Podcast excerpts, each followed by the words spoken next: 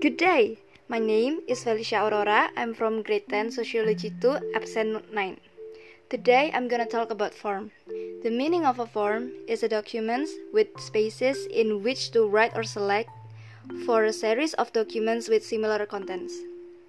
There is so many type of form. For example, purchase order form, room reservation form, deposit slip form, withdrawal form, and enrollment form.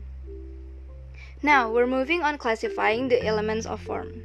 The first one is the elements of a deposit form including date, account number, name of account holder, account type, amount of money, depositor's signature, teller's signature.